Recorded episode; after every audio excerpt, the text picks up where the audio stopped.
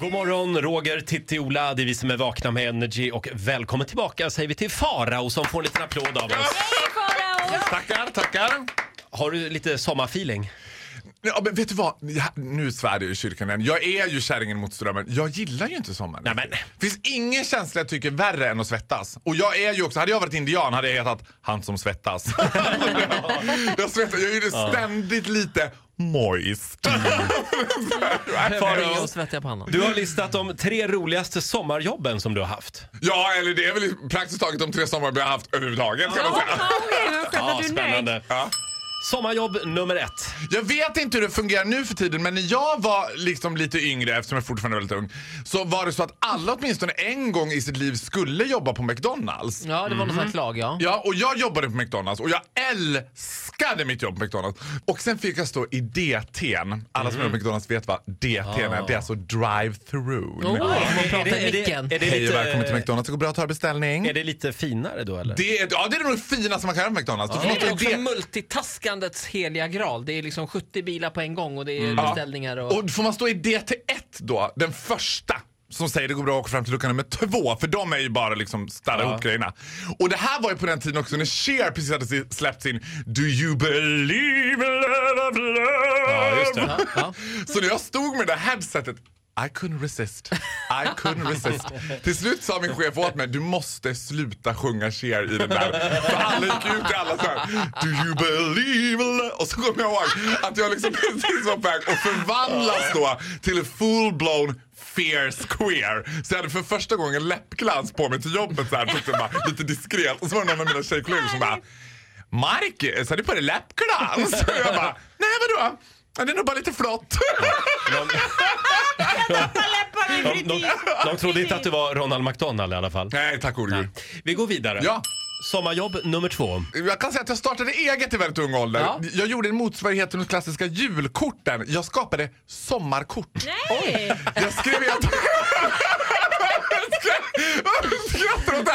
Jag skrev ut från mamma Ingas färgskrivare olika sommarbilder. Det kunde vara en bukett, en äng, en häst, någon... Är inte det det här många andra köper i kiosken som kallas vykort bara? Jo, men det, när jag gjorde det kallades sommarkort Ja, ja. så klistrade jag dem på gamla vykort som jag hade Mm, just det. samlat på mig. Så att det såg ut som ett vykort. Så gick jag runt i kvarteret och sålde Sommarkort dem. menar du? Sommarkorten, mina sommarkort. jag Och det här var när du var 17, 18, 19? Men det, det slog aldrig 16. igenom?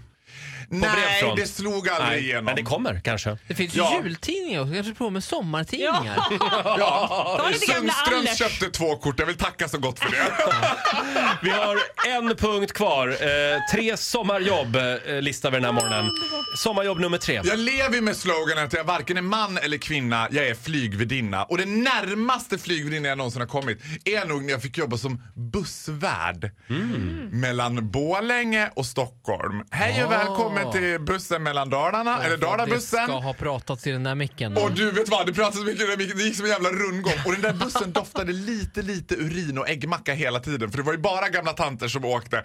Du vet, och de hann knappt det prasslade också om dem när de går de där gamla tanterna. Prassel, prassel. Satt och så, och så bara Är det inkontinensblöjan då? som- inkontinensblöjan och så tog de upp, upp en äggmacka.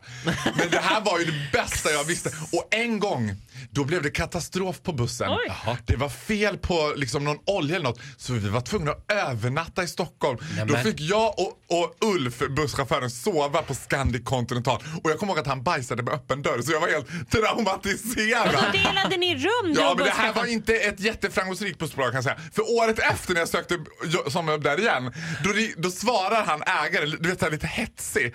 Och han bara "Hörs, Hallå? Ja, ja, hej det är Marcus, jag undrar om jag skulle kunna få sommarjobba i år igen? Nej, bu- bussen är blivit stulen. Men du kan få köpa bussen. Du kan få köpa bussen om du vill. Om du kan åka och hämta den i Rumänien. Du, jag känner att den här chefen, han tog verkligen i när han ljög för att få dig att förstå att han inte ville ha dig en sommar till. Ja, jag lärde mig mycket av honom. Historien hade kunnat ta en helt ny vändning. Du hade varit busskung i Dalarna. Ja. Hörrni, vi, Busskungen från Stora Tuna. nu är tiden ute. Vi säger tack så mycket för den här morgonen. Du får en applåd av oss.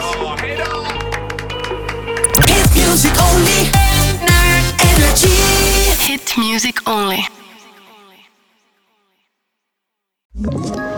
Ett poddtips från Podplay. I fallen jag aldrig glömmer djupdyker Hasse Aro i arbetet bakom några av Sveriges mest uppseendeväckande brottsutredningar. Går vi in med hemlig telefonavlyssning och, och då upplever vi att vi får en total förändring av hans beteende. Vad är det som händer nu? Vem är det som läcker? Och så säger han att jag är kriminell, jag har varit kriminell i hela mitt liv men att mörda ett barn, där går min gräns. Nya säsongen av Fallen jag aldrig glömmer på Podplay.